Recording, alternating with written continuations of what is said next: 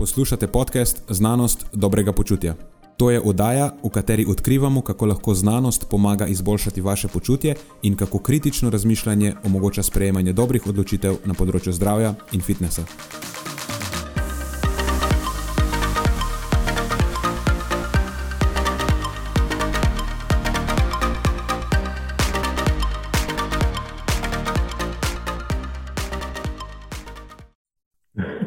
ok, evo naj.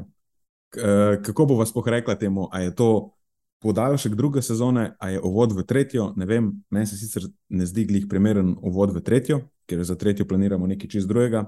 Pre-season, to je pre-season. Pre ja, mogoče lahko je mid-season.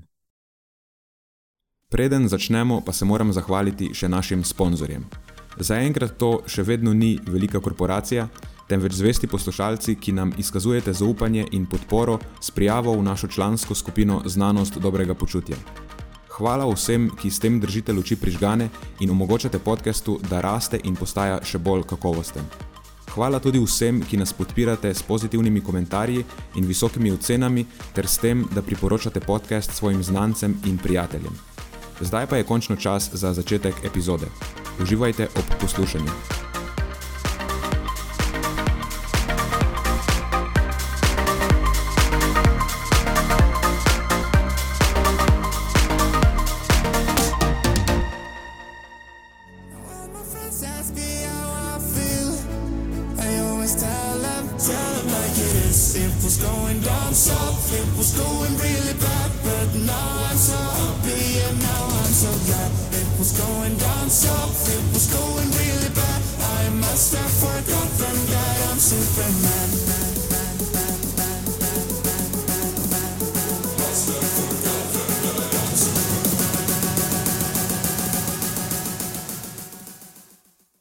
Kaj praviš na moj glasbeni izbor? O, to je bilo pa glasno. Pravno te zanimirati. Ja, to je bilo pa zelo, um, zelo animacijsko. Mogoče sem zmanjšal takoj glasnost spočnikov. ne vem sicer, kaj to je za, za en komat. Superman, Armin van Buren. A, ok, ok, ok. Najprej so dolžno opravičilo. Marijo snema z AirPodsi, tako da ja, lej, to, to je zvok za nič. Pač to, je to, to je to, kar imamo danes. Uh, nisem mogel s sabo prenesti nobenih drugih zvočnikov, ampak sem mislil, da bo to dobro, dovolj dobro. No, tako da upam, da je dovolj dobro. Uh, se bom trudil govoriti glasno, artikulirano in zbrano, da me boste vsaj bolj razumeli. Ja, to je bil moj prst v uč vsem Appleovim fanbojem. To je bil namen tega. Nisem te hotel spraviti ja, v ne, ne, nelagoden položaj. Samo hotel okay. sem biti malo zajedljiv. Nisem fanboy na srečo, nisem se užalil v tem sploh. Pa nisem hotel tebe užaliti. ja, ker si rekel, da jaz imam AirPods, pa zdaj kao, ti disaš AirPods. Čakaj, to, so še, to so še pro, veš? Ja, sej, ne. Povej marsikaj v Apple. Še huj, še huj, ne. ok, evo naj. Kako bo vas pohrekla temu, a je to podaljšek druge sezone, a je uvod v tretjo. Ne vem, meni se sicer ne zdi glih primeren uvod v tretjo, ker za tretjo planiramo nekaj čist drugega. Pre-season, to je pre-season. Pre ja, mogoče lahko je mid-season. Po popularnem povpraševanju nekaj sem mogel narediti. Ljudje sprašujejo, kje je podcast. In, ja, zadeva je taka, da ker za tretjo sezono planiramo nekaj drugega, nekaj zelo drugačnega, je tukaj en proces v zadju, odločili smo se postaviti studio, eh, najeti produkcijsko ekipo, ki bo to furala, tako malo dvigniti na višji nivo zadevo, tudi video vsebine bodo, oziroma snemal se bo podcast. Je pa tako, da je vodja produkcijske ekipe in naš glavni, se temu reče, scenograf. Naš glavni scenograf in vodja produkcijske ekipe je izjemno zaposlen in izmuzljiv tip, tako da eh, ga je treba vedno malo cukati za rokav, Poleg tega pa doskrat odpotuje, recimo pred dvema tednoma mi je pobegnil v Afriko in še vedno ne vem, če se je že vrnil iz Afrike, klicev mi ne vrača, upam, da se mu tam nekaj zgodilo. v glavnem, situacija je taka, da studio je sicer na tri četrt postavljen, mogoče še malo več kot tri četrt, ampak je treba stvari naštimati, treba se izmeniti, treba je uh, narediti teste in tako naprej. Dejansko ne morem dati nekega določenega datuma, kdaj se bo tretja sezona začela. Eh, lahko pa sam povem, da bo format ja, drugačen. da bo video format, da bodo stvari nalagane tudi na YouTube, še zmeraj bo dostopen na vseh platformah podcasterskih, in da bo format pogovorne vdaje. In da je delovno ime za enkrat, če se prav spomnim, Feel Good Show. ja. Eh, lahko pa evo, po tej prvi uh, epizodi predsezone uh, odpremo še glasovanje, predloge za naslov, ja, slušateljev. Delovne, deloven podnaslov je pa znanost in, sva rekla, znanost in umetnost dobrega počutja. Da nekako ohranimo, še, še zmeraj bo to evidence-based podcast, ker se bomo uh mhm. -huh. pogovarjali o podobnih rečeh, kot smo se pogovarjali do zdaj, ker pa smo tekom snemanja dveh sezon ugotovili, da je poleg znanosti tudi eh, tukaj eh, precej ene filozofije oziroma nekih naših pogledov in mnen na, na, na skrb za zdravje, dobro počutje in tako naprej.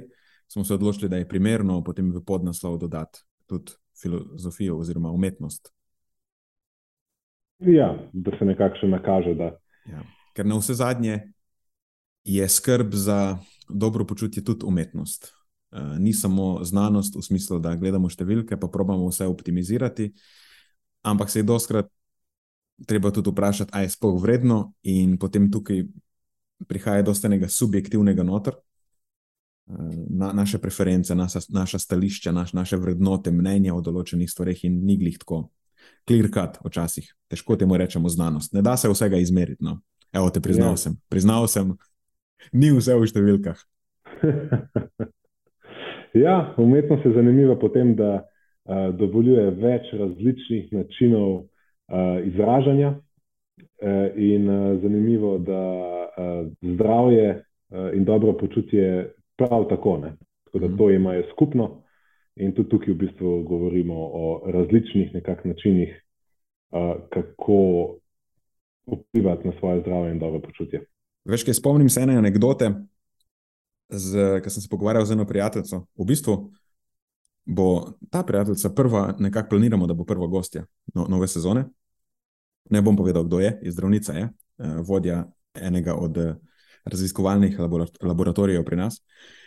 Pa smo se pogovarjali nekaj o medicini, pa o um, evidence-based praksi in tako naprej, pač o stvarih, o katerih se pogosto pogovarjava. In ne vem, kako je točno prišlo do tega, ampak zaključek je bil tak, da je ona rekla, medicina sicer je evidence-based, torej neki ti algoritmi, ki jih imamo speljane, ne, kako v, v, v, pri različnih stanjih ukrepati.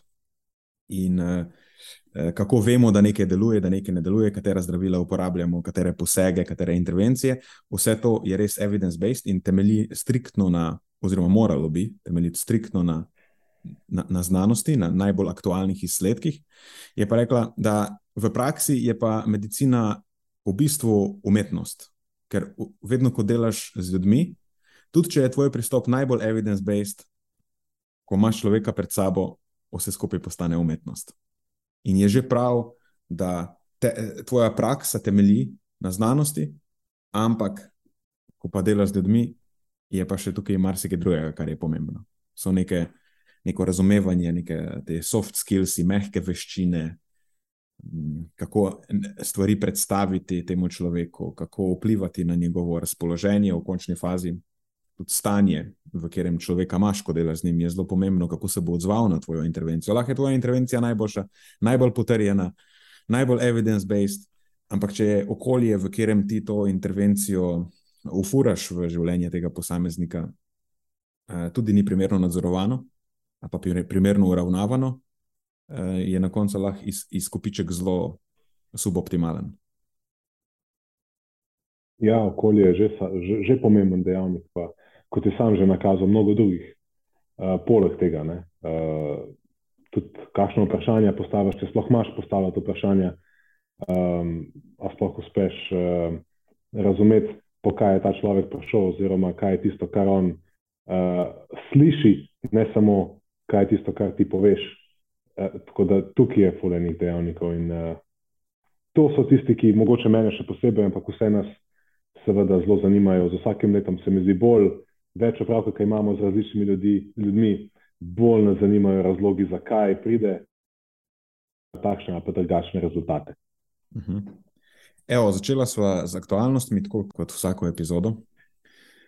Najboljša, da mi lahko raztegnemo te aktualnosti in povemo vse, kaj je novega, kaj je vredno slišati. Jaz sem začel z tem, kaj je novega na področju podcastiranja. Je to beseda spomnim? Ja, vse en mi je. Zdaj je. Zdaj je, ponovim, dodajte v slovar. Najboljše, da kar ti nadaljuješ z ostalimi rečmi.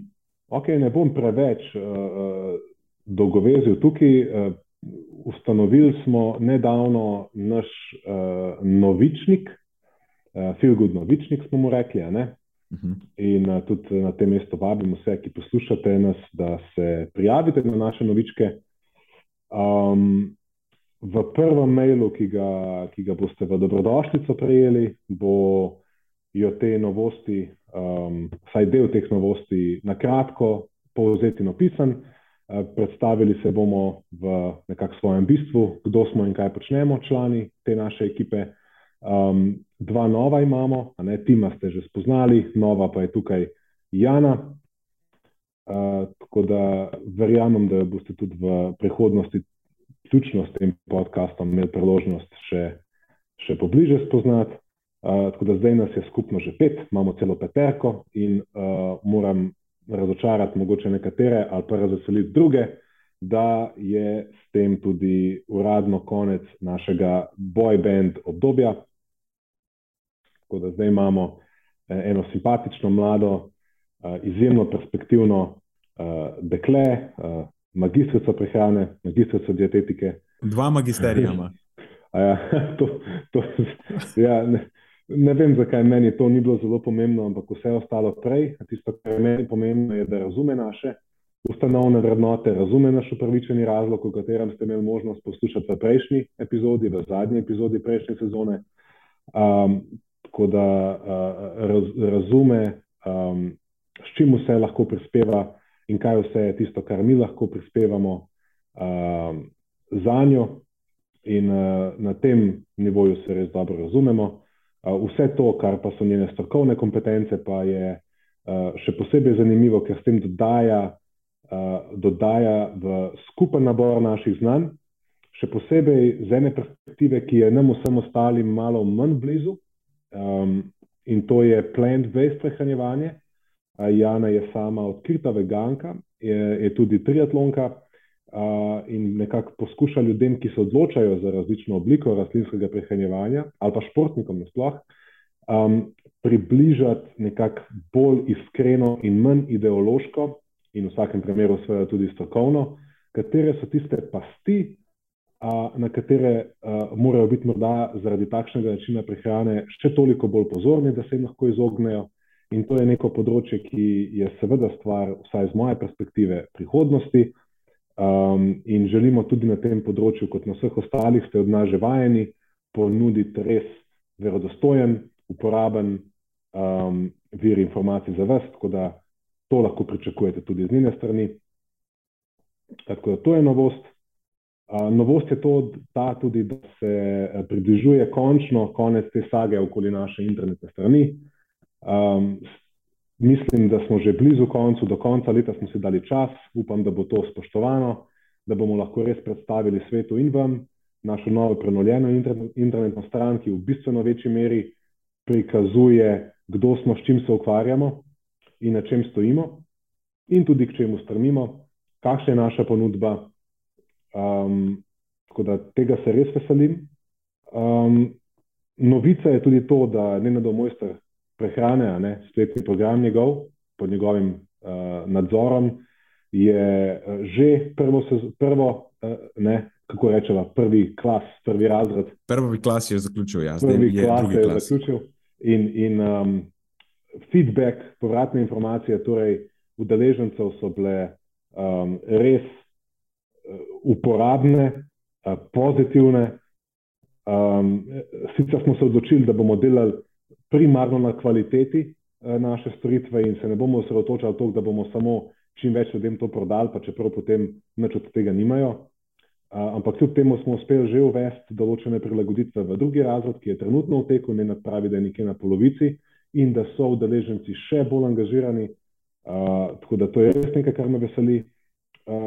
Moram pa sam res iskreno priznati, da se veselim Matjaževega programa. To je nekaj, kar sem mu obljubil, da bomo naredili za njim, uh, ko se je pridružil ekipi. In delali smo na tem, da smo postavili pogoje, da si lahko to privoščimo, in evo, tukaj je obljuba, bo izpolnjena, oziroma je izpolnjena. Uh, program Prehrana za zmago, ki je pod mentorstvom našega Matjaža, uh, tudi uh, živi na svoji lastni strani. Uh, tako da počasi bomo začeli tudi s promocijo tega in nabiranjem prvih prijav. Če vas recimo zanima prehrana, Eh, rekreativnega športnika, vrhunskega športnika, če ste karkoli od tega, če ste redno telesno dejavni, vas zanima, kako bi lahko uh, optimizirali svojo prehrano za boljše počutje, boljši rezultat, uh, bo to morda res tisto, kar vam lahko naredi razliko. Um, a je nenač še kaj takšnega uh, z vidika aktualnosti? Miselno sem si zabeležil dve zadevi. Pr prva je ta, da Zdaj, dokler ta mid-season poteka, ker dvomim, da bomo kar naslednji teden že začeli snemati, po mojem, bo kar nekaj takih epizod. Če, da mora Jana priti enkrat na epizodo, tako kot je prišel Tim, to bo skoraj obvezno. Zdaj razmišljam, da za vsak ja. nov, ki bo prišel, bomo samo za njega en mid-season odprli, da, da lahko pride na epizodo. da ga malo presenetim. ja.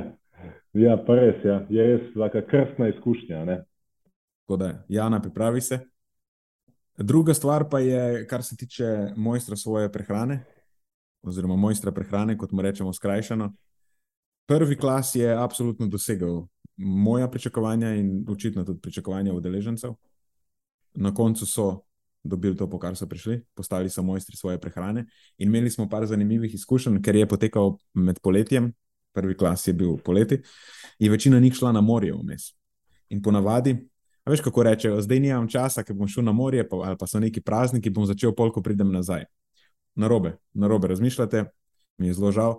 Najboljše je začeti glih takrat, pa mogoče ne začeti, ampak začeti je mogoče res fajn takrat, ko imaš malo miru, ampak potem pa čim prej se je smiselno izpostaviti okoliščinam, ki so nepričakovane, kjer lahko veščine, ki si jih prej zvadil v nadzorovanih okoliščinah, probaš spraviti prakso tudi tam, takrat, ko stvari niso idealne, ker življenje ni nikoli idealno, oziroma je zelo redko. In veščine, ki, jih, ki ti bodo služile za življenje, morajo biti take, da jih ne, lahko uporabiš tudi takrat, ko situacija ni idealna. In na začetku sem videl, kako je vsem neudobno. O, zdaj bomo pa šli nekam, pa ne bomo mogli vsega tega prakticirati, kar smo se naučili. Malo mal sem videl, v bistvu obratno, glih, kot hočemo doseči, ampak to je nekaj, kar obstaja v glavah ljudi. Okay? Da, ko, ko se lotijo nečesa takega, potem si vse probajo zoptimizirati, pa ne zdaj nam je vse perfektno, pa nam vse lava, kot mora biti. Potem pa čim obstaja neka taka priložnost, kjer bodo pa zdaj šli izven te svone, svoje cone obdobja, pa jim takoj začne biti nelagodno. Tako kot pravim, to je glih obratno od tega, kar hočemo doseči.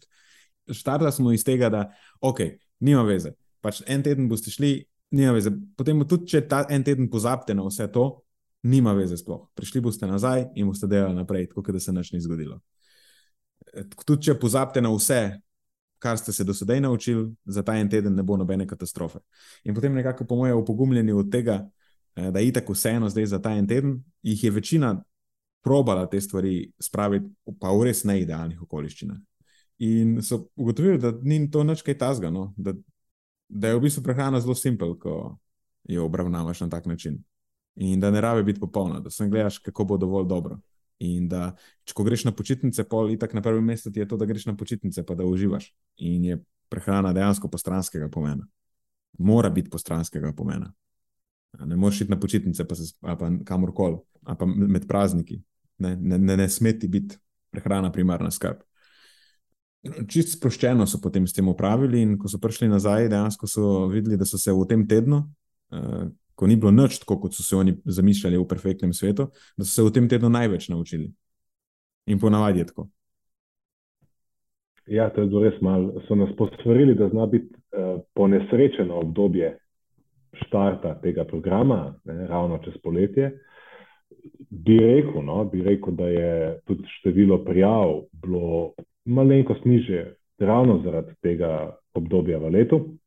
Se pravi, čas ni bil ravno najbolj posrečen, pa kljub temu ne, obstajajo določene skupine ljudi, ki se ni ustrašila tega izziva.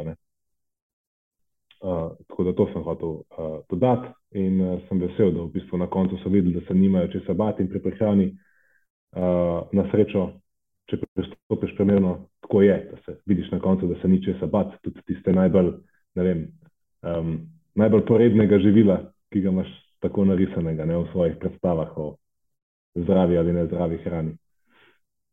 Ja. Uh, tako da to, kar se tiče, po moje, aktualnosti. Ja, zdaj pa glavni del. Ne? Zdaj pa glavni del.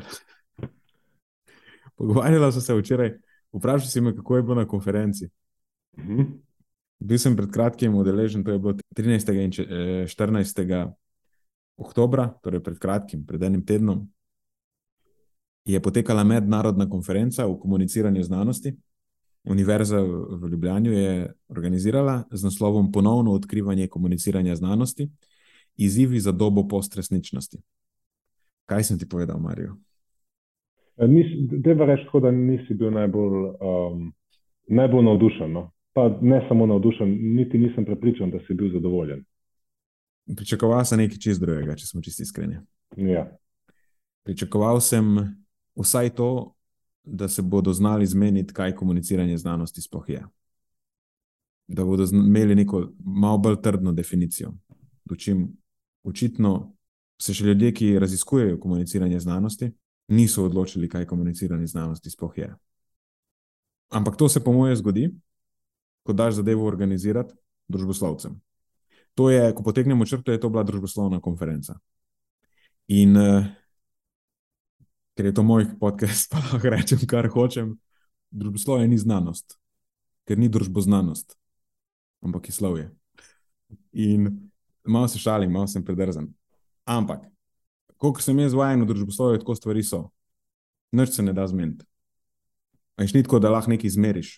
Pa, ti ljudje, jaz imam občutek, niso navajeni postavljati nekih zelo konkretnih definicij, a so se pa skozi navajeni pogajati o tem, ali je ta definicija prava ali ni prava.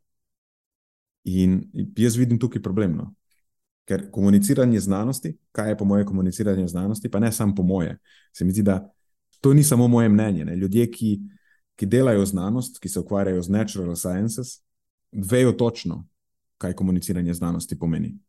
Sam problem te konference je bil, da nobeni jih povabo na to konferenco. Oziroma, večinom niso bili v večini, pa tudi teme, ki so jim jih namenili, niso bile namenjene temu, da govorijo, kako si oni predstavljajo komuniciranje znanosti, ampak so predstavljali neke svoje projekte. Tako kot pravim, bili so mogoče trije. In se mi pa zdi, da je bil naj, najbližje dobro definicijo, približno dobro definicijo podal uh, Saša Dolenc v, v svojem govoru, kjer je dejansko definiral uh, komuniciranje znanosti v treh, v treh točkah.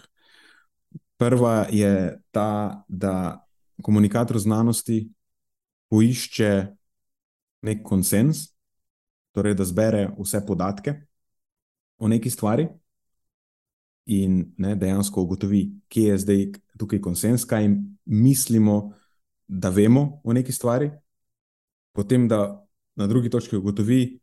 Recimo, s kakšnim odstotkom smo prepričani, pa kako verjetno je, da to, kar mislimo, da vemo, da drži, da dejansko drži da je v kolikšni meri je usklajeno z objektivno resničnostjo, in potem na tretji točki, da ta konsens, ki ga imamo, in stopnjo gotovosti v zvezi s tem konsenzom, ki jo imamo, predstavi ljudem na razumljiv način.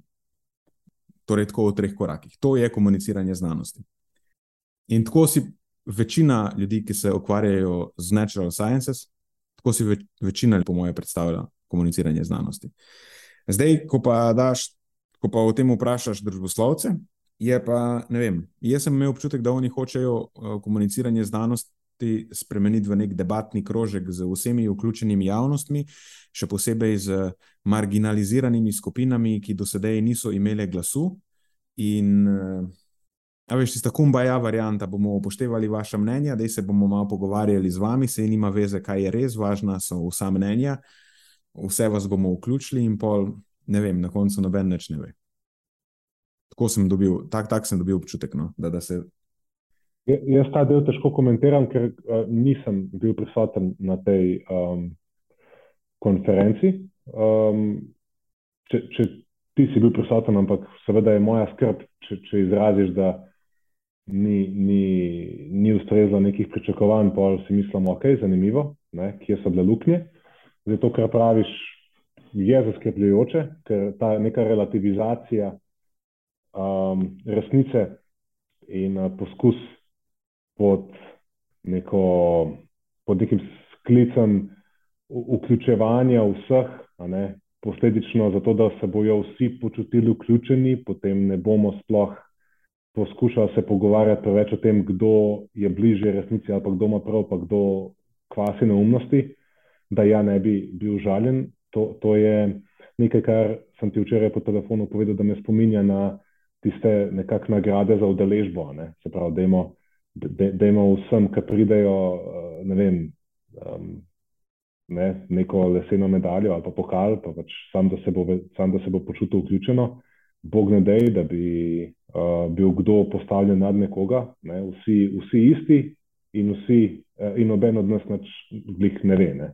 Mm. Oziroma, resnica vsakogar je enako vredna resnica. Tako da se pravi, misel na to pa je nekaj, kar me skrbi. Se pravi, da bi uh, jaz osebno se ne znajdem dobro v, v, v svetu, uh, ki bi me ga nekdo poskušal narisati na tem temelju, da v bistvu uh, je, je vse lahko enako res in da je vse, kar nekdo reče, kar misli, eh, treba vzeti z enako mero obzirnosti in resnosti. S tem nisem rekel, da nimajo ljudje pravice imeti različna mnenja, različna stališča, seveda jih imajo, ne?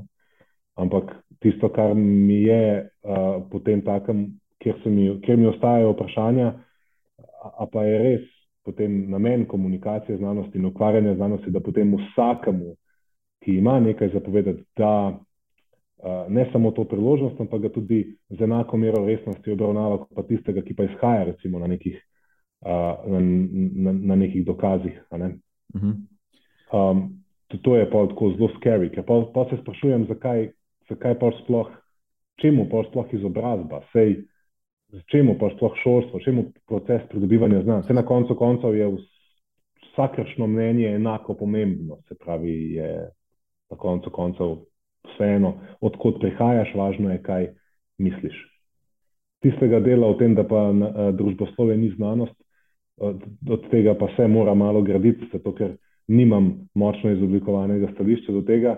Nekako tudi naravoslovje pravimo, da je, pa potem ne rečemo, da zato, ker je naravoslovje, potem ne. Ni, ni, to, je, ni to, to je napaka v prevodu, iz natural ja. sciences. Se imaš prav, naravoslovje. Ampak v angleščini je natural sciences, pa social studies. Ok, ok, sem zdaj. Uh, po katerem kriteriju je zdaj angleščina edini merodajen jezik, po katerem lahko potem sodimo o tem, kaj je kaj. Ne? Se pravi, ti si se zdaj odločil, da je angleščina merodajna in slovenščina ne. ne jaz sem samo rekel, sam rekel, da angleščina dobro odseva to razliko. Aha, kjer se v znanosti ukvarjamo z nekimi merljivimi stvarmi, ki jih lahko izmerimo. Dočim v družboslovju je, se jih probamo stvari meriti, se je v redu. Je. Bil sem, tako kot pravim. Ja, ja. Mal sem bil šaben. Ja, ja masi nasprotuješ, ker si v vodu v podcast rekel, da ne da se vsega. Uh, ja, se zato je umetnost, ne. se neč se ne ja. nasprotujem. Zato smo dodali umetnost, ker to ni znanost.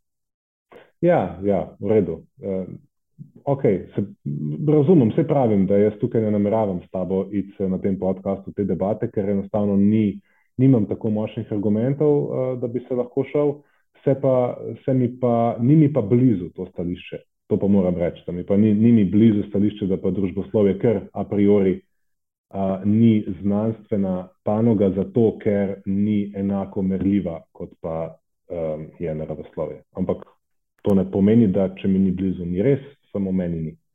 No, se pravi. Bil sem ja, ošaben. Namenoma ošaben, ok.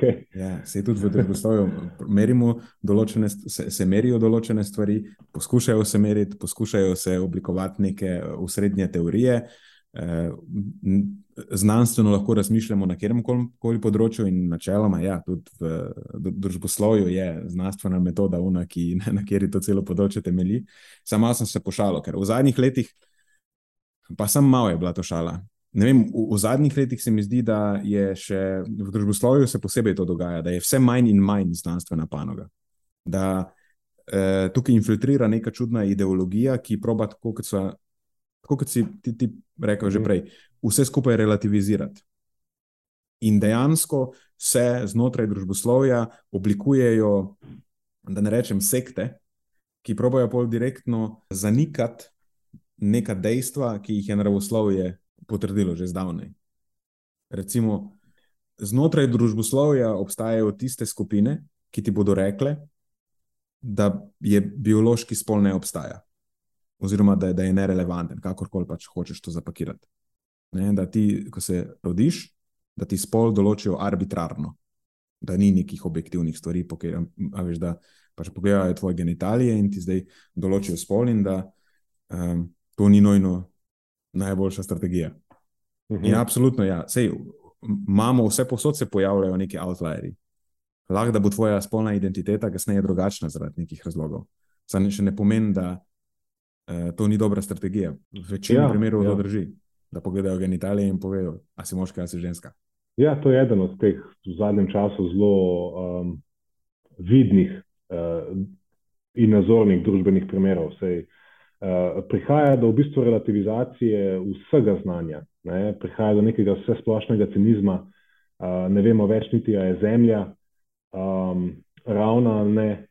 Um, cela kupica stvari, ki smo se trudili, ali pa ne mi, seveda, jaz nisem prisustvoval, ampak so se naši uh, predhodniki uh, trudili, da bi skozi neko znanstveno razmišljanje priš, prišli do nekih najbolj verjetnih ugotovitev smo v zadnjem času prišli do tega, da zaradi nekih lastnih uh, mnenj in prepričanj, ki jih seveda živimo v času, kjer se, seveda, se ne bi počutil izključeno, bomo vse uh, enakomerno obravnavali in vsak mu dal pravico, da, da, da je upoštevan.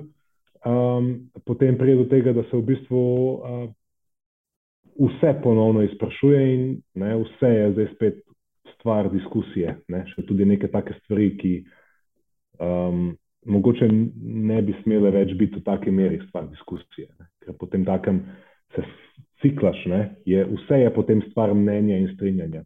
Absolutno vse je stvar mnenja in strinjanja. Je zemlja ravno ali krogla? Ne vem, odvisno, kako se mi zdi.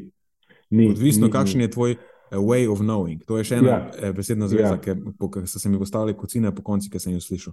Slišal sem jo že sicer večkrat, ampak nikoli še v Sloveniji. Ja, odvisno je, kakšen je, kakšen je ja. tvoj način, po katerem prihajaš do znanja. Pravi, je bilo tako, je... tukaj si zdaj na mojem pragu. Yeah. The other ways of knowing, ne, ki je rekla, da moramo upoštevati other ways of knowing.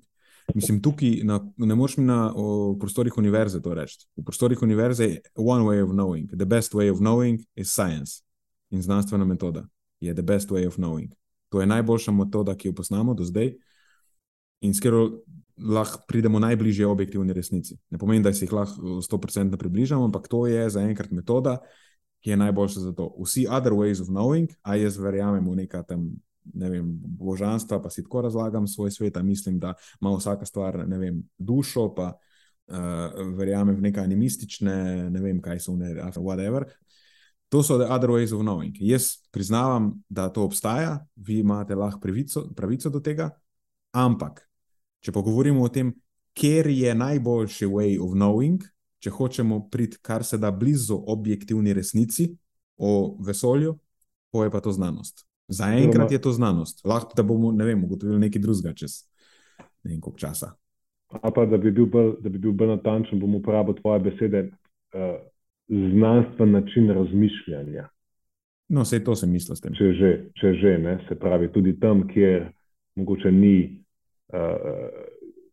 ni, ni znanost kot taka um, stvar vsakodnevne realnosti, je pa lahko način razmišljanja, ki na teh konceptih uh, temelji. Uh, se pravi, uh, testiranja nekih hipotez. Ne? Ja, ja, ja to, to sem v bistvu imel v mislih, vse je fajn, da si me popravil. Ker se tudi zamenjuje se akademijo, pa znanost, doskrat. Ker tam so recimo zdaj predavali, vsi so bili akademiki. Mhm. Sam za marsikoga bi lahko, nisem izdelal, da se jih na najbolj znanstven način približujejo zadeve. To, to je potem stvar posamezne, recimo, spet, ne, um, sistema osebne morale. Ne, zdaj, če kako dojemamo um, svet okoli, okoli nas in, in svojo vlogo v njem. Zdaj, če nekdo potem, kot si rekel, zakaj ima težavo, mogoče se tako ustrezno izražati. No, če, če razmišlja, da enostavno vsak človek ima neko, je univerzum v univerzumu, ima pravico do, svojega, uh, do, do svoje resnice ne, in da ne obstaja ena resnica. Potem imaš v bistvu že osnovno ideološko nestrinjanje. Se pravi, ti govoriš o tem, da obstaja ena resnica, kateri se lahko približamo na ta način ali pa drugačen način in kjer način je boljši za približevanje tej resnici. In zdaj, če nekdo drug razume to drugače, češ, lej, moja resnica je moja resnica in tvoja resnica je tvoja resnica. In tukaj pa potem lahko imamo konflikt že v sami osnovi, kjer se ne bomo mogli strinjati, zato ker že na prvi točki dnevnega reda mislimo drugače. Ti misliš, da obstaja resnica, jaz pa mislim, da resnica je stvar um, percepcije. In tukaj imamo potem, ne bomo mogli pridlje od tega. Jaz razumem, da to nestrinjanje lahko obstaja, ampak when the rubber hits the road. Veš ti v svojem mehurčku sicer lahko zanikaš to, da obstaja eno, ena resnica, ne? lahko zanikaš resničnost, več o tem. Lahko se izogibaš resničnosti, ne moreš pa se izogniti posledicam tega, da zanikaš resničnost. To je v bistvu citat malo sem parafraziral, Ayn Rand. Ampak, mm. veš, ti nekaj stvari lahko verjameš. Samo svet ti pol pokaže, da model resničnosti, ki ga imaš, ni ustrezen. Ker ti na podlagi tega, da imaš neka prepričanja, da nekaj verjameš, misliš, da se bo nekaj zgodilo, ampak pol prideš v resničen svet, svet pa se dogajajo kontra stvari. Pol veš, da tvoj way of knowing ni najbolj točen.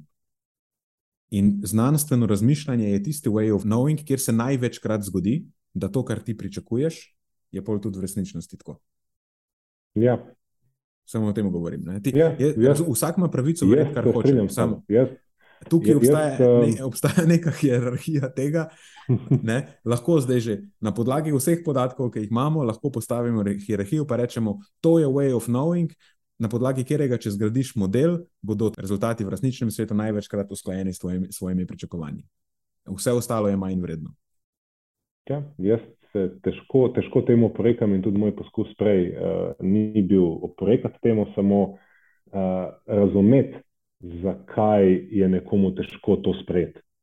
Zato, ker ja. ta, model, ta model predpostavlja, da pač obstaja uh, ena resničnost. Mhm. No, zdaj pa mogoče pri pozitivnih točkah te konference. To se mi pa zdi fajn, da so izpostavili, oziroma se mi zdi dejansko fajn, da so se tudi s tem ukvarjali. Je to, kako približati znanstven način razmišljanja ljudem, ki ne sprejemajo znanosti kot svoj, uh, kot svoj way, of, way of knowing, ki, veš, ki imajo ne, neke, neke, neke druge načine, kako oblikujejo svoje modele o tem, kako svet v resnici funkcionira. Uh, to, to se mi pa zdi pomembno. Ne, ne pravim, da bo, moramo zdaj zanemariti ali pa da. Eh, ne, eh, hoditi po ljudeh, tlačiti jih dol, punih, ki, ki razmišljajo na drugačen način. Ne pravim tega. Pravim samo, da imel sem občutek, da se mi imamo najboljši način za uh, odkrivanje znanja, pa zdaj se pa počutimo malo krivo, pa bi radi tudi vas vključili, da se ne bo kdo užaljen preveč. Uh mhm. -huh. Ne, ne. Mi, pač mi moramo sprejeti to. Ne, ne sprejeti, ampak biti veseli za to, to da imamo nekako najboljši način pridobivanja znanja, in potem moramo navdušiti vse ostale, ki zaenkrat uh, imajo neke svoje načine pridobivanja znanja, da začnejo graditi svoje modele resničnosti, malo bolj s pomočjo našega modela, ali pa ga vsaj bolj začnejo gledati na to kot nekaj, kar je uh, legitimno, ali pa s čimer lahko vsaj obogatijo svoje načine pridobivanja znanja. Ker ok, je v redu, če si ti odraščal tam, ne vem, 30 let v nekem plemenu v, veš, v avstralski puščavi. Jaz razumem, da ti neke stvari pač ne bodo blizu. No. Te, te, mogoče boš kakšno stvar težko skapiral. Znanstvena metoda, ki prihaja od tukaj, ki ima neke, neke korenine v klasični zgodovini, pa v renesansi, pa tako, ti ne bodo mogoče najbolj blizu. Ne boš mogel povsem spremeniti svojega načina pridobivanja znanja. In to se mi zdi pomembno razumeti. Še zmer pa ne vidim, kaj je uporabnost tega, da se mi zdaj počutimo krivo, krivo da imamo eh, bo, bo, boljši način pridobivanja znanja od tvojega, pa namesto da te sam probamo navdušiti, za, pa ti pokazati, kako je naš način bistveno boljši od tvojega, pa ti lahko pomaga v življenju, da pa zdaj pravimo nekako, da pa bomo mi še vzeli malo tvojega, pa bomo malo izmenjali, pa da ti meni povej, kako je tvoj uporaben. Ne, tvoj ni uporaben. Ugotovili smo pred 200 leti, tvoj je manj uporaben, nočem med tvojega, moj je najboljši, lahko pa ti imaš malo mojega, ker je moj boljši od tvojega. Ja. Ker podatki to uh, kažejo. Mogoče, ja, mogoče je težava, s katero se soočaš, ta, da to, kar si predstavil, zanemarja vse poteze človeškosti. Pravi, če bi bili ljudje stroji, ne, pa neke mašine, bi to, mislim, da šlo zelo elegantno skozi, ne, ker pa smo kljub temu ljudje, ki se pogosto nekako kljub temu znajdemo in živimo in doska celo prosperiramo znotraj nekih vzorcev in načinov razmišljanja, ki smo si jih ustvarili, pa potem težko pokleknemo pred nekoga, ki se pred nas postavi kot več vreden. Kot več vreden in ker enostavno rečemo, super, da mi ti si boljši. To, kar sem jaz počel, ne vem, 30-40 let, pa me je pripeljalo do sem, kjer sem, se pravi, suverena oseba, ki funkcionira dobro in po nekih. Okay, ampak to je ne, zdaj pomembna predpostavka. Suverena oseba, ki funkcionira dobro. Dal sem samo to kot opis. Recimo, ja, lahko tudi ni tako ti, oseba. Če ti imaš nek, eh, nek uh, way of knowing, ki ti funkcionira in ti vse tako, kot ti mora laufati, kul, cool. pa se ne raba pogovarjati. Ampak, ko pa imamo neko krizo, ko pa imamo stvari, ki ne funkcionirajo dobro, pa, pa se moramo vprašati, kje je najboljši način in preferirati tistega. Um, razumem, da je stvar verjetnosti, v širši sliki je stvar verjetnosti. Na nivoju posameznika ta verjetnost kar od enkrat zbledi kot nepomembna, uh, ampak tudi ta model pridobivanja znanja na nivoju posameznika in v kontekstu sistema, kot ga imamo, mnogo izzivov in težav, ki jih omenjaš, da se v njih lahko človek znajde, ne uspejo rešiti težav, še več, uh, veš, kakšne so moje izkušnje, celo lahko poslabša. Uh, čakaj, čakaj, te... o čem se zdaj pogovarjamo? Zdaj si zamenjal dve stvari, po mojem. Govorim o načinu pridobivanja znanja. Se pravi, govorimo o tem, da smo recimo, na nekih področjih znanosti ja. prišli do nekih spoznanj, ne? in če pač o njih s to prizmo delamo, pa govorimo o tem, skozi to prizmo gledamo. In zdaj gledamo, da pa neka alternativa, nekdo, ki pa ne ustreza tem vzorcem pridobivanja znanja, oziroma razmišlja bistveno drugače in zanemarja znanstven način. Um, da tudi znotraj tega ringa, kjer poskušamo razmišljati znanstveno in poskušamo se ukvarjati z verjetnostmi in poskušamo nekako prevzemati te vzorce, še posebej znotraj takšnega sistema, kot ga imamo danes, recimo na, pod, na področju zdravstva ali pa na področju, pač iz tega sem izhajal primera, lahko nekomu ja. ne pomaga rešiti njegovega problema, lahko mu ga ne pomaga rešiti, lahko mu ga ja, celo. Predvideval sem, da misliš to, sam, veš, tukaj smo ja. zdaj zašla že krepko iz naš zdravstveni sistem, ni znanost. Ne govorimo, ne govorimo o sistemu, govorim o načinu razmišljanja kot takem, načinu pojasnjevanja nekaterih stanj načinu pojasnevanja nekaterih uh, stanj, ki pač so človeška stanja. Ja, ampak se znanstven, znanstven pristop, ja, znanstven pristop na, na nobeni točki ne zanika tega, da mi še do, določenih stvari ne vemo, pa da, da lahko greš ti, ti v alternativo preizkusiti. Vse to, to ni v ja. skladju z znanstvenim pristopom. Ja, ampak govor, navezal sem se na ta tvoj, spet verjamem, da si hotel biti namenoma agresiven, oziroma namenoma mal, ne češ tvoj način je za nič, na tukaj imaš malo mojega, moj način je boljši. In, a, a razumeš, se pravi, na to sem ja. se hotel navezati. Se pravi, ja, razumem, da če govorimo o verjetnosti uh, in če damo, ne. ne vem, sto primerov, bo, bo najbrž to držalo. Ne, ampak... nisi me prav razumel. Okay. Gre se za način pridobivanja znanja, znanstven način razmišljanja. Ja, lahko jaz delam nag, ne rabijo nič spodnjih kat. In, ne vem, kako so prišli do oblek, ampak ok. Ja, hočem ti reči samo, samo to, da, da znanstven način razmišljanja ne pomeni niti medicine, niti uradne medicine, nič od tega ne pomeni znanstven način razmišljanja. Seveda vem to. No, samo pravim ti, pravim ti da, da, da če ti imaš nek problem, pa zaenkrat ne obstaja rešitev, ki bi bila evidence-based za ta problem.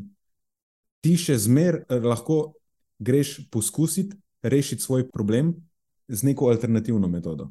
In to ne bo pomenilo, da ne razmišljaš znanstveno.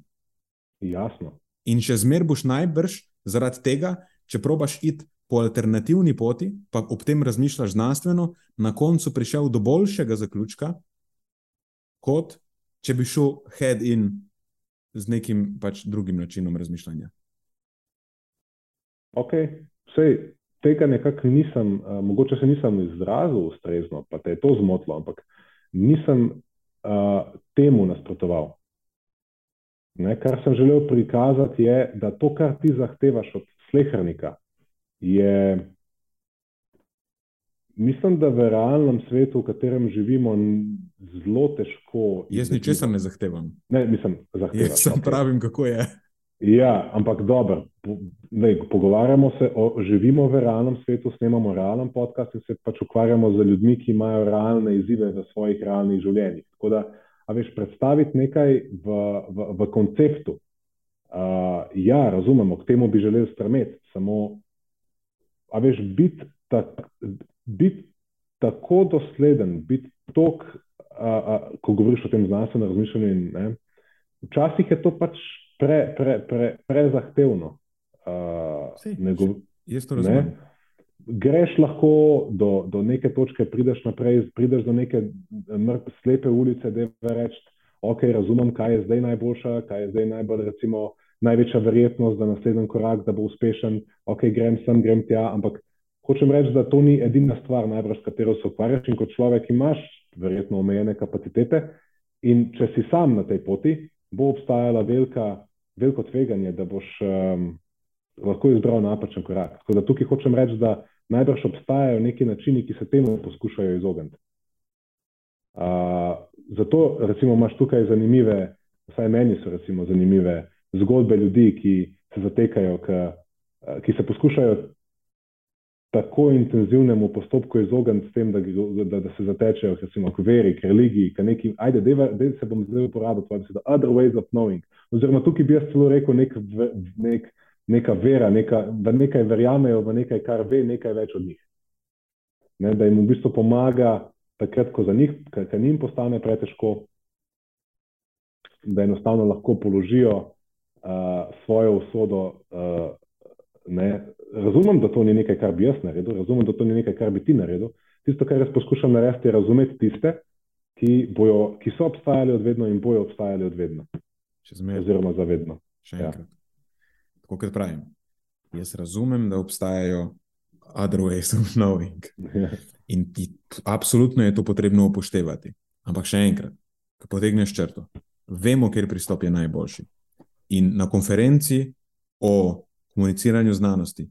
Ni prostora, da zdaj mi razglabljamo, kaj lahko malo od njih sprejmemo, pa po mojem damo njim, pa ja, če ja. je njihovo malo boljše od malo našega. Ne, ne, mi se moramo, mi imamo, vemo, kaj funkcionira in se moramo pogovarjati o tem, kako lahko ostale ljudi navdušimo. Zdaj, kako jih bomo navdušili, to je pa pol druga stvar. Tukaj pol še le mehke veščine pridejo noter. Ne? Kako jih lahko navdušimo, da se pač pridružijo in začnejo razmišljati podobno kot mi, dobro zavedajoč se, da izhajajo iz različnih okolij in da so mogoče ne, da so deprivilegirani, da so bili do zdaj marginalizirani, kaj z njim, nima veze. Ampak kaj, ne moramo se počutiti mi krive za to, da pač imamo zdaj trenutno najboljši način. In probat svoj način razgrajevati, zato da oni ne bodo užaljeni. Pač ne, moramo se pogovarjati o tem, kako naš najboljši način, mi vemo, da je najboljši, se ne rabimo hoditi okoli in govoriti, da je najboljši. Pač jaz sem bil takrat mi dva se tukaj pogovarjava, pa lahko uh mhm. -huh. rečem. Ne? Ampak ja, kako zdaj lahko mi probamo biti do njih taki, da jih animiramo za to, da spregledajo sami. Sej ne gre se za to, da bom jaz nek apostol tukaj, a mislim, da, da, da bomo skozi apostoli. Ne? Naš način je najboljši, pridite k nam, vaše za nič. Ne, ne, ampak kako jim zdaj mi lahko v praksi pokažemo, da je naš način, da oni sami to ugotovijo v končni fazi, da je pač naš način bolj učinkovit od njihovega in da mogoče lahko neke komponente tega, kar imajo zdaj, nadomestijo, oziroma da lahko neke naše komponente ugradijo v svoj način. In tega ni bilo. Tako, nisem videl veliko tega pogovora o tem, mhm. kako lahko ljudi, ker jim zdaj znano, če jih je naslovil tako, pa tudi precej predavanj je, je imelo naslove, ki so šli v to smer. Ne? Kako se lahko pogovarjamo z ljudmi, ki jim zdaj še zaenkrat znanost ni blizu, kako jih lahko navdušimo znanost. Plus, eh, malo preveč sem bil negativen na začetku. Bilo je dejansko tudi nekaj govorov, ki so bili dobri, ki so podali nekaj zanimivih zaključkov tudi na to temo. Um, so bili pa v manjšini, no, kaj če mi rečeš. Če imaš ti 20 govorov ali pa še več na celi konferenci in tri od tega lahko izpostaviš neke pozitivne stvari, mi težko bi to pol ocenil kot, veš, sukces, kot nek uspeh. O, jaz ja. bi to ocenil kot uspeh, če bi bila cela konferenca, če bi se skozi celo konferenco pogovarjali o tem. In na prvi točki, da bi sploh sprejel to, pa da bi se zmenil, kaj sploh probamo narediti kaj sploh je komunikacija znanosti. Oziroma, kaj Razumem, je. Ja. Ja, imaš sigurno neko bolj izdelano mnenje, ki si pač poslušal vse to skupaj in točno veš, kje so bili izzivi. Um, tisto, kar sem jaz nekako poskušal, je dodati razumevanje, um, odkje vse lahko prihajajo težave s prejemanjem nekega sistema, ki v osnovi je lahko objektivno najboljši, ampak zaradi perspektive in situacije ne, nekoga, ki prihaja v srečanje s tem, mu morda ne koristi, če um, se mu to poskuša potiskati po grlu ali pa nastopi zelo arogantno. Če to je nekaj, kar veš, celo življenje si živel, pa nisi vedel, da si za nič, a veš, tukaj si zdaj prišel k nam in dovoli, da te mi razsvetlimo.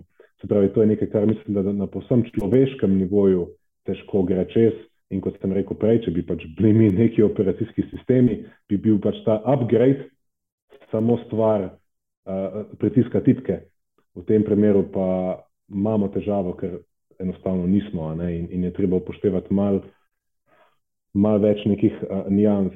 Um, in vidim pa, da, kot sem že prej izpostavil, ne, me pa skrbi ta potem relativizacija oziroma poskus, kako to narediti, kako približati znanstveni način razmišljanja pa s tem, da se pa da vsem vedeti, da so pa enako, da imajo enako možnost biti upoštevani, enako možnost biti nekako um, tudi deljeni v, v širšem javnem prostoru.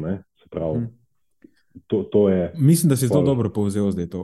Vprašanje je, kako znanstven način razmišljanja ohraniti tako, kot je, pa ga približati ljudem, namesto tega, kar se mi zdi, da zdaj obstaja nevarnost, da se zgodi to, da medtem, ko mi poskušamo znanstven način razmišljanja približati širši množici ljudi, da potem ta množica toliko vpliva nazaj, ali pa da probamo biti tako inkluzivni, da se pravzaprav razvodeni to, kaj je znanstven način razmišljanja sploh je. Ja, pot... Treba je postaviti trdne meje, kaj znanstven način razmišljanja je, in potem to na privlačen način množici, množici predstaviti. Ne, ne sme nas biti pač sram, da imamo nekaj, kar je dobro. Zdaj si recimo omenil eno besedo, ki, na katero lahko navežem konkreten primer kot posledico razvodenitve. In ne, omenil si to besedo, razvodeniti, kaj, kaj, kaj se zgodi. Pogovarjal sem se včeraj po telefonu o enem mojem citatu, ki sem si mislim, zapisal, sem si to misel v, v, v novce nekaj časa že nazaj eh, in napisal sem sledeče. Dejstvo je, da beseda dejstvo dan danes nič več ne pomeni. Ej, um, eh, preden, ja, to, to je samo po sebi zlato, ta citat. Ampak, dej, če povej samo, ker bo naredila uvod, na kaj se to okay. navezuje, o čem so se pogovarjali. Okay. Hotel sem se tokrat navezati na to, kar se rekel, kaj se zgodi, ko se pač enostavno razvodeni uh, nek fakt, ko se razvodeni nek, neka resnica, potem pride do tega, da enostavno vsak si jo lahko vzame, kakršno si želi. In uh, mi dva sta pa na konkretnem primeru govorila o. Na področju fitness industrije v zadnjem času je področje dihanja takšno. Uh mhm. -huh. Ne, ker se je v bistvu v zadnjem času z, z nekim, neko radovednostjo spre, spremljal objave mnogih trenerjev, tudi trenerjev, za katere vem, da imajo zelo široko bazo znanja. Vem, da so na področju tega dela še dlje od mene, če je to sploh možno.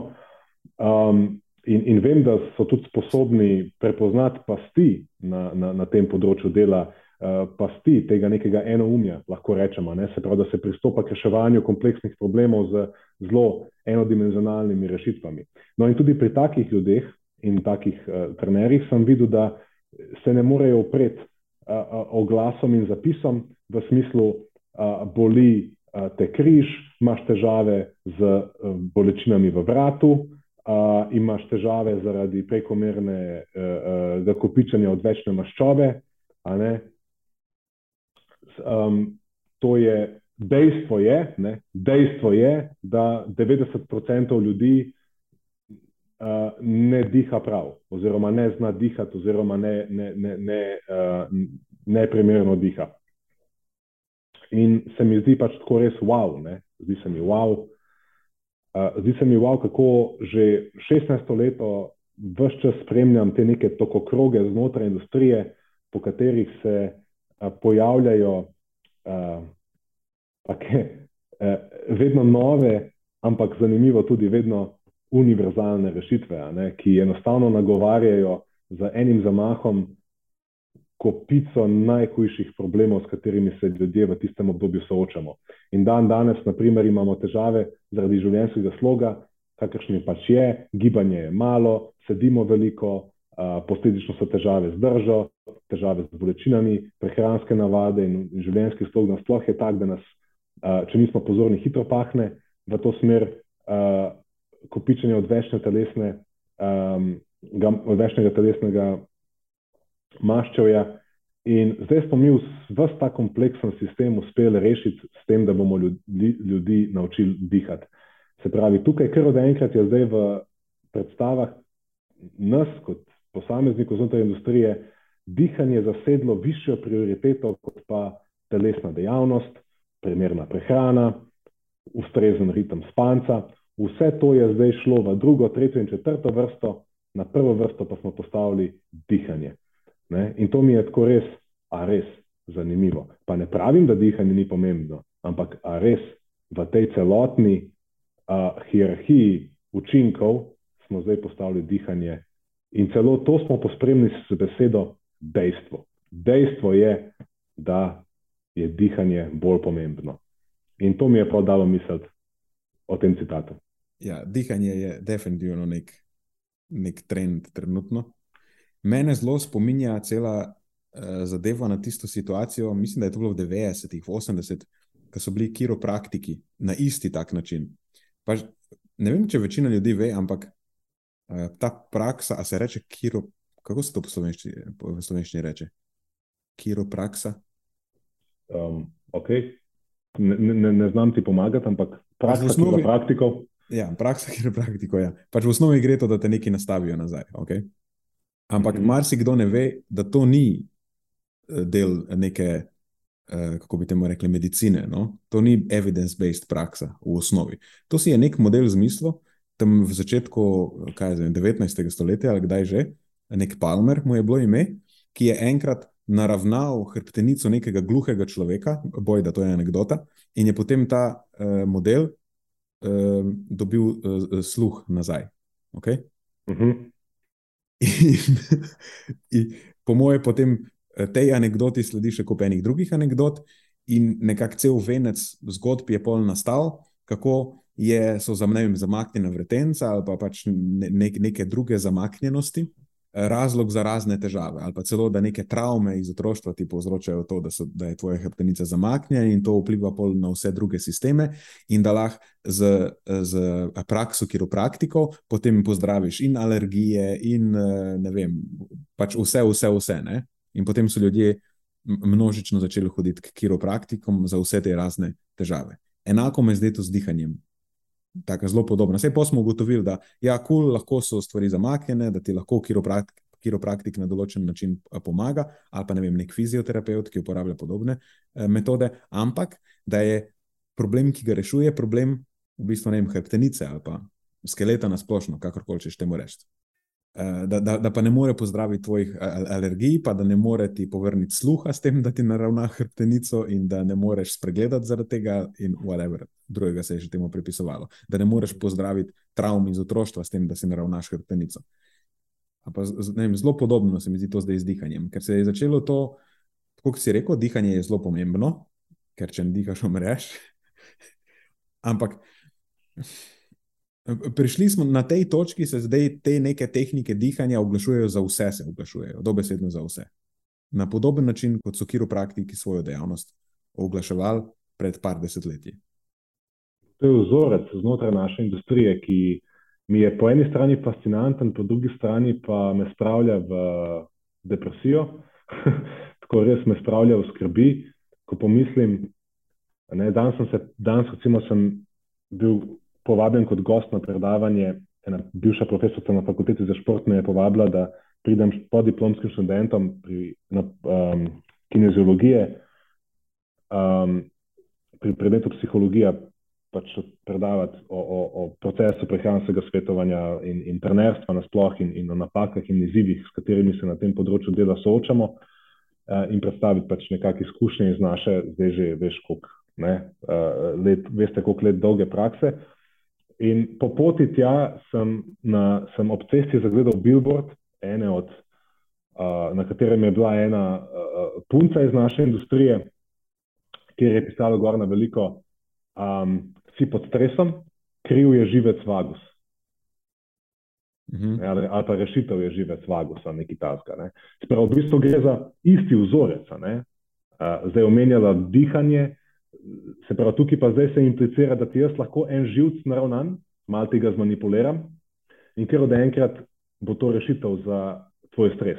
Ne to, da si vem, v službi žrtev mobbinga, da v doma imaš moža, ki mu je ki mu dol visi zate, nisi imel neke intimne zveze že dolgo časa, otroci imajo cel kup težav v šoli, so, so, so bulijani, se pravi, v slabi telesni formi, se pravi, cel kup stvari je v življenju v neki kompleksnosti življenja, v odraslosti, uh, uh, igra svojo vlogo, ampak mi smo zdaj prišli, bomo imeli neko rešitev, kjer ti bomo naštemali živec, ali te bomo pa ob tem dihati naučili, in ti boš v redu.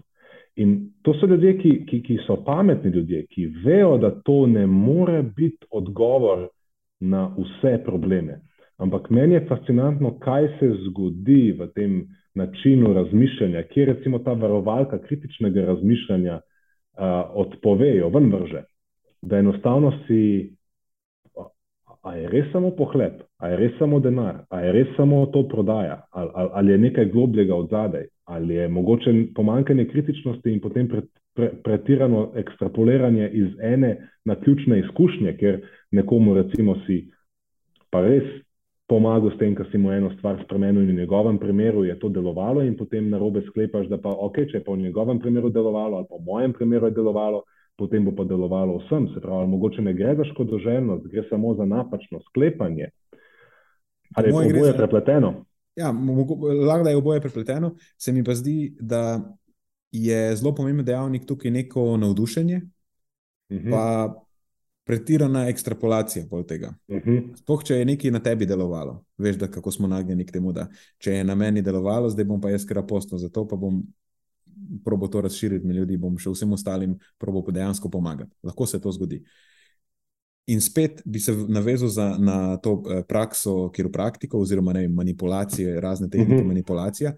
Ja, dejansko, če ti imaš, eh, recimo, da si zaseden, da celo življenje imaš nekaj si v suboptimalnih položajih večino časa. Ja, neka tehnika manipulacije ti bo mogoče omogočila, da se počutiš bolje. In boš to dojel kot nekaj, kar je bilo zelo vplivno v smislu izboljšanja tvojega počutja. In tukaj pol postaja nevarnost, da to preveč ekstrapoliraš. Ne? Ti lahko to demaš kot nek zelo, neko zelo vplivno stvar. Mogoče pa to povežeš z nekimi drugimi pozitivnimi spremembami. Ker enkrat, ko se začneš dobro počutiti, mogoče pa še neke druge stvari začneš delati, pa se še boljše počutiš. In potem eh, to, kar si sicer dosegel z nekimi nadaljnimi prilagoditvami, pripisuješ v osnovni prilagoditvi. In se ti je celo življenje je spremenilo, takrat, ko te je on zmanipuliral neko vretence. To je bila začetna točka. Ne, ni ni ja. bil to razlog za vse, kar je sledilo, ampak tukaj si začel. In dihanje ima, po mojem, en tak zelo podoben potencial, ker dejansko vemo, ne, da ne bo samo, da, da ne bo samo grdo govorila o dihanju. Obstaja, dejansko obstaja kup dokazov, kako, je, kako so lahko neke eh, te tehnike eh, počasnega, ali pa ne vem, kako bi to sploh prevedel, nadzorovanega dihanja. V angleščini je termin uh, breath control, če glih jaz breath control povezujem z nečim drugim najprej, ampak ok, pustimo to v strani. Pač breath control je izraz, ki se, uh, malo sem iztiral, uporablja v uh, literaturi. Um, in drugi izraz je uh, slow breathing.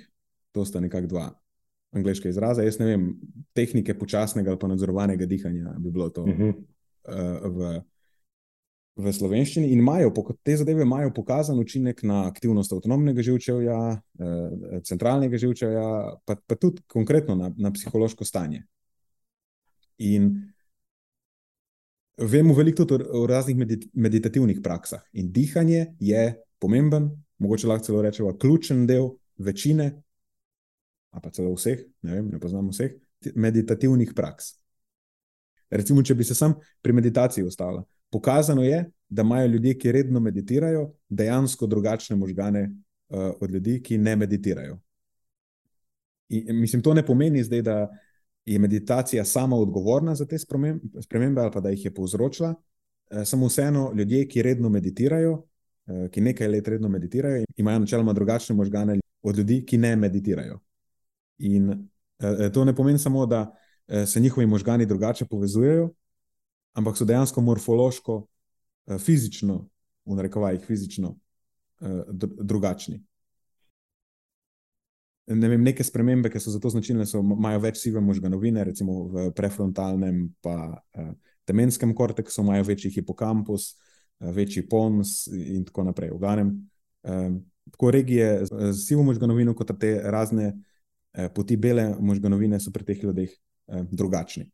Ampak Eh, prvič, to so povezave, uh, drugič, govorimo o spremembah tukaj samo, zdaj, koliko so te spremembe dejansko relevantne, ali pa koliko so dobre ali pa slabe, ne, vem, ne vemo. In tretjič, to so dokazi, ki jih imamo za meditacijo. Zdaj, dihanje tukaj lahko igra neko vlogo, samo vprašanje je, kako samo po sebi to neko usmerjeno ali nadzorovano dihanje da dejansko prispeva k temu. Ker vseeno praksa meditacije kot taka ni samo dihanje, marsikaj drugega pride še zraven.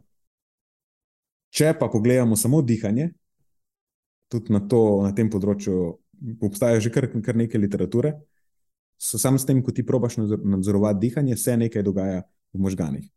Eh, zanimiva mi je bila ena študija z eh, to funkcijsko magnetno resonanco, ki je pokazala, da se poveča aktivnost v kortikalnih strukturah, eh, isto v prefrontalnem, pa parietalnem, oziroma tem temenskem korteksu, pa tudi motornem korteksu. Torej, nekaj se dogaja točno recimo, v, v tistih regijah korteksa, ki so pri meditatorjih spremenjene. In pa tudi v, eh, zaznali so spremembe v tej študiji v subkortikalnih strukturah. Spet pons, talamus, hipotalamus, spet zelo podobno, tiste strukture, ki so bile, ki so bile omenjene uh, že prej. Tako da z dihanjem dejansko lahko na nekaj vplivaš, ne samo na debelost, pa na bolečine v križu. Ja. Če sediš cel dan za pisarno, pa če te, če te kavki bolijo, tudi najbrž lahko predihaš bolečino stran. Drugače, ki si omenil bolečino, mislim, Ker iz teh sprememb, recimo v teh regijah, ne, vse regije, ki, so, ki, jih, eh, ki, ki sem jih prej omenil, recimo, če, bi, če, bi šla, če bi šla po vrsti, recimo temenski korteks, je dejansko nek glavni interpretator sveta okoli nas. Eh, karikirano bi lahko rekla, da je neko glavno zaznavno področje. Tukaj se začne v bistvu prostorsko procesiranje in tukaj procesira večino zaznav, vid, sluh, dotik, pritisk, bolečina. Eh, ta vročina, pa mraz, napetost. Ne, da, veš, če se to spremenja, se lahko tudi tvoje zaznavanje sveta eh, hipotetično eh, recimo, spremenja. Pa imaš recimo pons, ki povezuje možgane s hrbtenjačo. Eh, tukaj se marsikaj nezavednega dogaja. Tudi recimo cikl spanja je delno tukaj nadzorovan. dihanje je delno tukaj nadzorovano. Ne, pol imaš recimo talamus, isto je neke sorte sprejemnik. Sem najprej prispejo vsi signali iz čutil, se mi zdi, razen voha, in od tukaj pol naprej grejo v nadaljne procesiranje. E, isto talamus sodeluje v uravnavanju spanja, budnosti, zavesti, e, učenja, spomina. Tako da, ja, dejansko se lahko dojemanje nekih tvojih, e, tvojega okolja, pa ne samo svoje, tvojega okolja, ampak tvojega notranjega okolja, z določenimi tehnikami dihanja spremenja. Tega, tega ne gre zanikati. In tudi, če pogledamo same psihološke in vedenske izide, ki so povezani s temi spremembami v teh regijah, e, to so povečani občutki ugodja, sproščenosti, pozornosti. E, ne vem, kako bi prevedel. Vigor and pleasantness, recimo nekega splošnega dobrega počutja, zmanjšajo se simptomi razburjenosti, tesnobe, depresije, jeze. To so neke stvari, ki so povezane z temi dihalnimi praksami, oziroma najprej s samimi temi recimo, spremembami, ki sem jih omenil, pa, pa tudi v, v končni fazi z dejanskimi izidi, ko se preučujejo tehnike dihanja in meditacije, je to nekaj, kar na koncu pride ven. Razumem, kako ja, iz te točke se potem te stvari lahko po, začnejo malo preveč ekstrapolirati. Ja. Moje razumevanje sicer ni bilo nikoli tako podrobno, ampak je pa bilo, da lahko takšne tehnike in uh, prakse prispevajo. Le, vemo, da nekdo, ki je v stresu, če smo čisto konkretni, pa če uspe malo umiriti, bi jih pa če uspe nekako se iz stresnega okolja umakniti, umiriti svoje notranje okolje, že, že občutek prebave, napihnjenosti, bolečin v želodcu, s katerimi se mogoče sooča, bojo, uh, bo, bojo drugačne, bo tega manj. Se pravi, razumem, da lahko vpliva na zaznavanje notranjega okolja, absolutno, lahko mogoče celo posredno vpliva na zaznavanje bolečine. Ampak tisto, na kar sem nekako cinično mogoče hotel pokazati, pa je, da z nobeno količino dihanja ali pa z nobeno tehniko dihanja, pa recimo ne boš mogel okrepiti določenih mišic, uh, ne, ki pa šibkost katerih pa je privedla do tega, da pa prihaja do nekih uh, bolečin ne, zaradi enostavne nemoči, da pa zaradi z različnimi tehnikami dihanja, mogoče ne boš uspel vem, vzpostaviti bolj ustreznega energijskega ravnovesja v svoje prehrani ali pa nasloviti neka prehranska pomankanja, ki obstajajo. Ne? Mhm. Pa, pa, pa težav na, na tem naslovu. Se pravi, ne boš mogel z tehnikami dihanja prepisati uh, ali pa uh, recimo delovati tudi na tistih področjih, kjer pa dihanje nima pristojnosti, uh, in lahko, da boš vse, vse, kar boš lahko naredil, je, da boš zamaskiral, ne, ker boš enostavno uspel nekako se, se počutiti bolje in zamaskirati dojemanje bolečine, da je enostavno vzrok, ki pa je spodaj, ne, kot je šibkost, kot pa je pomankanje hranil, tega pa ne boš s tem naslovil. Ne, in zato me ta retorika moti, ne, ker enostavno to ostaja nenastoljeno in uh, uh, mislim, da to ni odgovorno naša naloga kot trenerje bi mogla biti odgovorno komuniciranje o učinkih posameznih uh, orodij, s katerimi razpolagamo. Torej, da ljudem damo odgovorno in iskreno vedeti, uh, okay, na področju dihanja lahko pričakujemo to, na, na privadbi lahko pričakujemo to, pri uravnavanju uravnoteženosti, pri uravnoteženju prehrane lahko pričakujemo to. Se pravi, da jim pomagamo te stvari sestaviti skupaj, skladno z njihovimi zmožnostmi. Ne pa, da jim enostavno glorificiramo učinke enega, orodja, ker je to za nas morda najbolj marketabilno ali pa smo do tega najbolj pristranski, čez vsa druga. To pa mislim, da je podla praksa. In to je nekaj, kar mene osebno zelo iritira. Uh mhm. -huh. Absolutno se strinjam. Samo hotel sem nekako eh, narediti case, eh, ja, zato, je, da, da obstajajo eh, pokazani, če ne vsaj, oziroma na tej točki mogoče lahko rečemo celo dokazani, učinki teh dihalnih praks, dihalnih tehnik, ali pa še boljše rečeno, meditacije, nekih meditativnih praks. Ja, da pa ne smemo potem tega preveč ekstrapolirati. Ne? In zdaj je to nam pa spremenilo, ne vem kaj. Ja, lahko je dejansko v nekih primerih zelo vplivno, lahko sproži neke nadaljne pozitivne spremembe. Recimo, če imamo nekoga, ki je zelo tesnoben, pa se ne more premakniti iz posle, in mu zdaj neka ta tehnika dihanja ali pa oblika meditacije dejansko se pomaga spraviti iz posle, ok, super.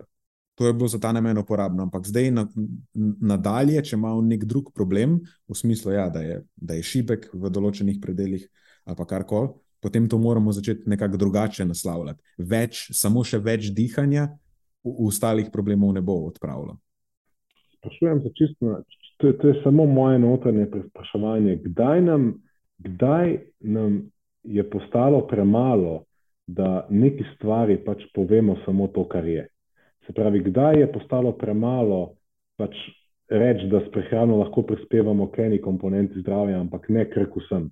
Kdaj je postalo premalo, da rečemo, da z vadbo lahko prispevamo k določenim prilagoditvam, ampak ne pa kar vsem? Se pravi, zakaj imamo tako težavo? Um, zakaj imamo tako težavo povedati, da je pač neka stvar, lej, samo da vsem seže? Se pravi, odkje je ta potreba, da potem enostavno um, presegamo vse meje uh, okusa zdravega razuma in, in, in stroke. To mi je res fascinantno, ker ne vem, komu to karkoli oduzame.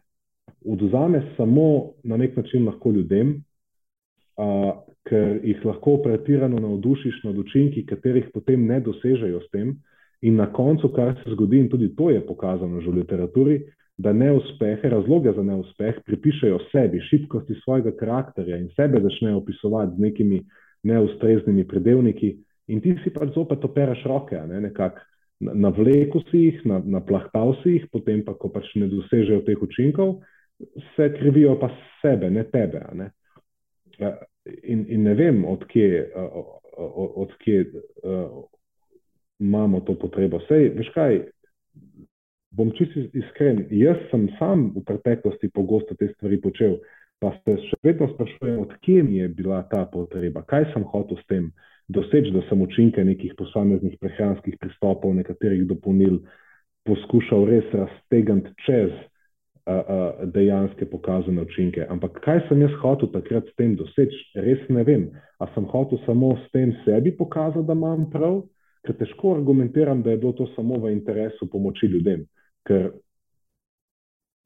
Veš, to, to je za me samo zelo zanimiva avenija v razmišljanju. Zato, ker če bi lažje prepoznal, kaj želim takrat početi, potem bi tudi lažje morda se ustavil in um, omejil. A se bojimo, da, ne bojo, da, da ljudi ne bo to pritegnilo, če bomo samo povedali, da je tako, kot je. Ali samo delujemo skladno z neko normalizacijo oglaševanja, ki je prisotno v tem trenutku. Pač oglaševalci nam govorijo, da pač enostavno lahko zavajaš in lažeš, in to je čisto ok. In to omogoča boljše poslovne rezultate. Več ljudi se prijavi, več ljudi plača. Ok, let's do that then. Se pravi, bom pa to delal. Se pravi, a je, a je to pol. Privlačno je na tak način oglaševati. Še ena stvar, ki me zmoti pri vsem tem, je to, da se pol implicira, oziroma ne včasih, ne implicira se eksplicitno, se pol iz tega nadaljuje, da noben danes več ne zna dihati. Da morate priti k nam dihati, da vam mi pokažemo, kako se diha. Ker vse to, kar sem do zdaj omenil, prvo kot prvo, kar je treba povedati, da tukaj je bilo veliko enih povezav, veliko mogoče in veliko predpostavk. Okay? Še zmeraj je to tako. Lahko bi bilo to, ne vemo pa, če ne, koliko je zdaj to dejansko vplivno vse skupaj. Ampak, kar je zelo pomembno, je to, da to je vse omejeno na neke prakse, ki se jih ti lotiš namenoma, kot neke vrste trening. Veš, zdaj bom si vzel 15 minut, bom meditiral 15 minut, bom uporabil neko tehniko eh, ne vem, nadzorovanja, upočasnevanja svojega diha, spremljanja svojega notranjega stanja, isto tako, kot ko greš na trening. In, in tukaj so pokazani učinki. Ne moreš kar pol iz tega reči, da vsi problemi, ki jih zdaj imate, je zato, ker vi ne znate dihati. Ker tako, ne vem, meni se zdi, v osnovi se mi ta ideja, da danes pa več ljudi ne znamo uh, dihati, se mi, se mi zdi absurdna. Lahko bi sicer sprejel, da zaradi um, sodobnega življenjskega sloga, zaradi uh, pomanjkljive prehrane, kakorkoli, tudi, mislim, to je zdaj tako res streč, ampak da lahko se mogoče v otroštvu malo um, slabše razviješ, pa da pa imaš neke veš, te dihalne poti malo spremenjene, pa ne vem, malo zamaknjeno čeljust, pa pol malo drugače dihaš. Itd. Ampak ne, ne sprejmem tega, pa da zdaj to je nekaj, kar je uničilo tvoje življenje. Da je tvoj vzorec dihanja malo spremenjen in da zdaj vsi problemi, ki jih imaš, je, uh, izhajajo iz tega. Meni se zdi to absurdno. No? Ker ne vem, sploh, kako bi to zmeril, kako to utemeliš. Ker če imaš neko konkretno težavo z dihanjem, to lahko zelo hitro ugotoviš. Vzameš pulzni oksimeter, pač vzemi napravo, izmeri vrednost kisika v krvi. Mislim, ne, a veš, a je normalna? Ne rabiš, to je največja fora, da dan danes ne rabiš ničesar več utemeljiti. Ne rabiš utemeljiti, ne rabiš ustrezati nikomor, nihče te ne čekira. Vse, kar rečeš, je lahko res, dokler uporabiš zdraven svoje mnenje, ki ga preoblikuješ na način, kot da bi to tvoje mnenje odražalo neko dejstvo. Vse, a veš, ne rabiš. Enostavno, kaj pa je najhujša stvar, ki se ti lahko zgodi? Nekdo bo pokazal na te s prstom bo rekel: hej, to je absurdno, to ne drži. In boš pač ti v odgovor rekel: ti si hater, ki pač je meni. Uh, ti si hater, ki pač meni samo ne privoščiš uspeha, to pač jaz lahko potrdim to s svojimi izkušnjami in svojo prakso. Veš, ti imaš odgovor, ti imaš rešitev, ti nimaš veš, nobene odgovornosti, nikomor nisi v bistvu odgovoren. Enostavno tukaj smo, na tej točki smo, kjer enostavno res lahko rečeš ali pa narediš karkoli in nihče ti ne bo potrkal na vrata in rekel, hej, to ni ok. Če pa že to kdo naredi, imaš pa ti možnost nazaj argumentirati, se narediti kot žrtev in reči, tlej, ti si sam hater, jaz imam tukaj prakso in izkušnje. In to je to, to je tak losing game ne? in to je nekaj, kar je tako. Če pomisliš te perspektive, res ugotoviš, wow, ne. Po eni strani je za določeno skupino ljudi to lahko res um, obljubljena država, ki ne rabim nobenim kriterijem ustrezati in se lahko izmišljujem stvari in važno, da se prodaja. Po drugi strani pa zna biti zelo trnova pot za nekega posameznika, ta ista obljubljena država, po kateri bo on probil se prebiti skozi njo do nekega boljšega zdravja, boljšega počutja, ali pa se izogniti temu, da ga spet nekdo potegne za nos, še po 15.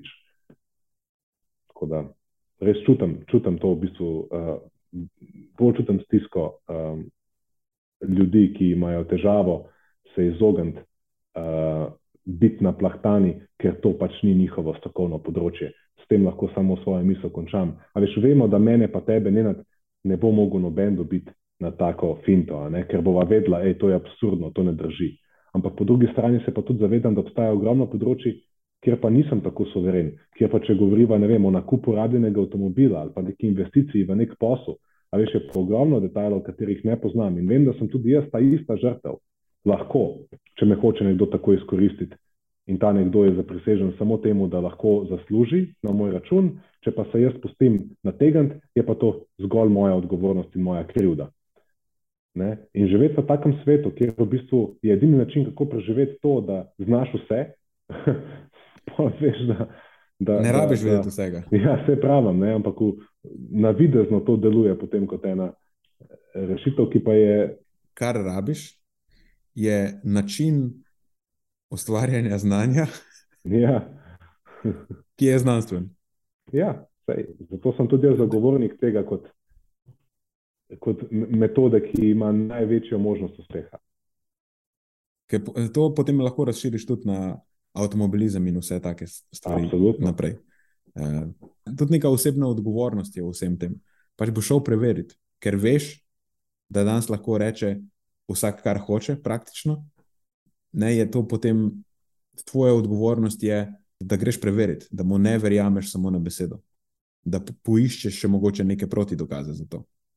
Vprašaš nekoga drugega. Mislim, ne, zdaj, časom... Pri avtomehaniku ne moreš iti na, na PubMed pogledati. Ampak pokličeš nekega drugega mehanika, pogledaš kak YouTube video. Vse imaš razne metode. Se ne da zdaj zagovarjam, da greš vse na YouTube iskati. Samo v končni fazi tudi na YouTube lahko na nekih področjih marsikaj uporabnega najdeš. Ja. Samo uh, moraš biti kritičen. Uh, pred časom sem napisal en članek, mislim, da ga imamo prosto dostopnega na našem blogu o, o razumskem in čustvenem odločanju in o tem, kako sprejemati bolj kvalitetne odločitve na področju zdravja, ker sem poskušal predstaviti ravno te pasti, o katerih govoriš. Um, če se odločamo pretežno impulzivno in ne znamo pristopiti, tako kot si zdaj opisal, tudi na najbolj banalnih primerih, kot so nakup hladilnika ali pa nakup avtomobila. Se pravi, da seveda, kljub temu, uh, da morda ne vemo, kaj je veliko o znanosti, lahko vemo zelo veliko o znanstvenem načinu razmišljanja v vsakdanjosti našega življenja, pa se tega morda niti ne zavedamo. Tako da um, se strinjam s tabo, da je to na koncu koncev naša najboljša stava. Povedal, zaključil bom z eno anegdoto. Ja, bom zaključil z eno anegdoto. V glavnem, pred kratkim so me začele fascinirati ure. Okay? In jaz v štartu noč ne vem o urah. Sem privlačna ideja, se mi je zdela. I, ideja ure. In bi si človek mislil, da okay, to je pa zdaj neko področje, ki je fully oddaljeno od zdravja, pa dobrega počutja, pa vadbe, pa prehrane in tako naprej. In dejansko je, to je neko čist ločeno področje. Samo, a veš, da ljudje, ki prodajajo ure, se poslužujejo istih taktik. Na, čim si ti enkrat na Googlu preveril neko uro, boš imel na Instagramu milijon reklam o kakovostnih urah, o ne vem, takšnih in drugačnih. Marsikaj ti bodo probali probal prodati. Ne. Sam pol moraš iti dejansko preveriti, koliko te reklame drži, koliko te reklame je usklajeno z neko objektivno resničnostjo. Ne. Kar, kaj naredi uh, kakovostno uro, kjer so kriteriji, po katerih to primerjaš. Ker drugače se ti, ja, zgodi se ti isto. Kupo boš eno uro, ki je neka, ne vem, uh, kao. Švicarska, neki super mehanizem, kakovostna izdelava, v resnici je pa nek pač čip kitajski šit. Hmm. Ja, no, najbrž se bo kdo, ki posluša nas, uh, hitro lahko spomni še primera iz svojega področja poznavanja, ne, kje so recimo te pasti. Ampak vse to je zanimivo, ne, da, da smo v bistvu vsi lahko zelo hitro pametni, ampak istočasno pa zelo malo spet um, žrtve nekoga, ki ima drugačne interese. Tako da pri, pripeljala sva se na okolico, cel krog, gled, kjer si končal, pri, tam, kjer si začel. Ja.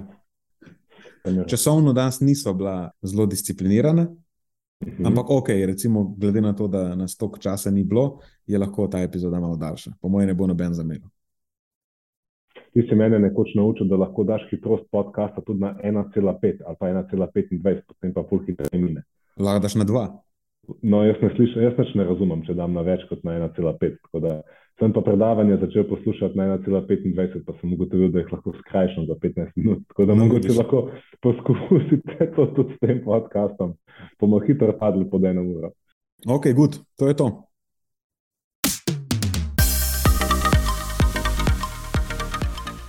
To je za tokrat vse iz naše strani. Hvala, ker ste poslušali do konca. Delite epizodo s svojimi znanci in prijatelji in jo priporočajte dalje, saj s tem omogočite, da sporočilo znanost dobrega počutja doseže čim večjo množico. Hvala vsem, ki nas podpirate s članarino in tudi vsem ostalim, ki delite podcast dalje in nam izkazujete naklonjenost z visokimi ocenami in pozitivnimi komentarji. Se slišimo prihodnjič, do takrat pa ostanite premišljeni.